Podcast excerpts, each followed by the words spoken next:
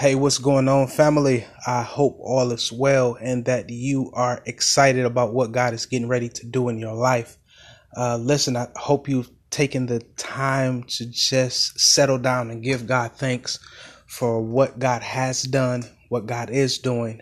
And like I said, you're excited about what God is getting ready to do. Listen, this is the last Monday of the decade, the last Monday of the year, the last Monday of the month. And um, I'm just ecstatic. I'm just looking forward. And I'm enthused about what God is getting ready to do in my life.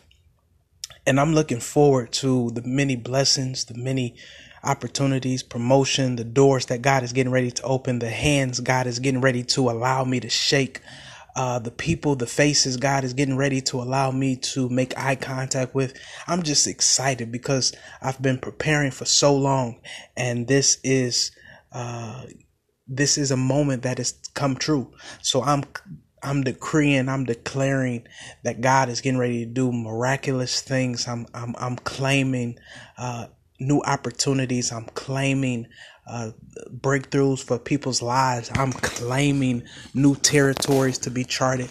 Listen, I'm just reminded uh, as I meditate on this week on this scripture, Matthew 14, where uh, it begins with Jesus uh, and his cousin John the Baptist being beheaded, and he dies. And the Bible talks about how uh, the disciples tell Jesus that his cousin has died, and he goes off to a city or a desert place. And when it is heard that Jesus went off to a desert place, the multitudes and crowds had begun to follow him, and he sees thousands of people before his eyes.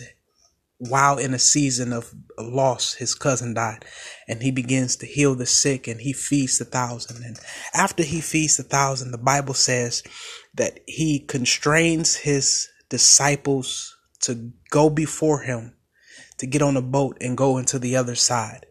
And that's simply where I want to stop at. He he he he's in the midst or in the season of of grieving. He loses his his cousin. He does not have the opportunity to grieve properly because the multitude had followed him to a desert place and the place where he was to spend alone time he he is introduced to a multitude that had followed him. So he has compassion on them. He he then begins to give of himself again performing another miracle. It's like a miracle after miracle. They, he doesn't get a chance to rest, but yet he's still performing miracles. So he takes uh, two fish, five loaves of bread, and he feeds thousands of people. He feeds them and he sends them on their way. And he finally gets an opportunity where he sees that he could get some alone time. And he tells his disciples, yo, get on this ship, go into the other side. I'm going to send the crowds away. Um, I need time to pray. And the Bible says that he goes up into a mountain and he begins to pray. That I want to speak to somebody that it is key and essential for you to get your alone time. That so often uh, our lives get chaotic, our lives are filled with uh, commotion and and we're going clocking in and clocking out and spending time with friends and family and we're going to and from and I just want to remind you that it's okay to send the crowd away. Send your friends away, send your immediate circle away, and spend some time alone in prayer. You don't know how uh, powerful prayer is until you actively engage prayer. That prayer is an essential vehicle that communicates our heart and desires to God, who is the connector and the source connected to the universe. That it is essential for us to to quiet everything else around us and get in a still place where we can just communicate to God and just allow God to know what's on our hearts. One thing I'm realizing is that prayer may not change God, but it changes us. That when we can clearly communicate our prayers to God, God has the ability to shift us um, to align with what He wants and desires from us. That is, it's essential. It's impossible to know what God wants if you never talk to Him. So I've been talking about the essential movements, or I've been talking about how essential it is for us to pray and to know that prayer is about building a relationship with God. That if you look beyond the religious aspects of Christianity, Christianity is really about building a relationship with the Father. It's about building a intimate relationship with him. And if you think about one of your most intimate relationships, whether it was toxic or it was a healthy relationship, that in your relationship you found yourself doing one thing. All relationships consist of communication. And even in toxic relationships, the bad communication is how we express ourselves to our partners or to the one in which we love. This is what God wants from us. This is what prayer is. It's about communicating. It's about sharing our heart's desire. It's about telling God, I'm thankful for everything that you have done thus far. As we have just come out of the Thanksgiving season showing our appreciation for the food and our family.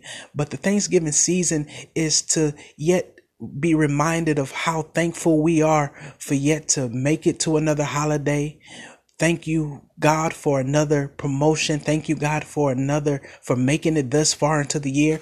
So God wants to hear that when we begin to pray, God wants to hear you say thank you. God wants to hear your gratitude. God wants to hear your heart's desire. God wants to hear what you want from him as he is the father and you are the child. So often we go to God and I'm also I want to while I'm here, the Spirit just dropped this in my in, in, my spirit that when you begin to pray, God wants to hear from you. Yet He wants your prayers to be specific. I put a post up on social media last week that said that we could see the answers to our prayers once we are more specific that we oftentimes go to God and we pray and we have a litany list of so many things in which we want from God that we can't really see the answer to our prayers because we're always asking for for a, a plethora of, of things. God, I want you to do this. God, I want you to do that. God, I want you to take care of this. I want you to take care of that. And we wonder why we can't see the answers to our prayers. It is because we ask God for too much instead of being specific and simple. God, this is what I I ask of you. God, if it be your will, would you do this thing for me? God, would you do that? And then when you open your eyes, say amen, and you begin to proceed along your journey, you can begin to see God move in your life because of the specificness of your prayer.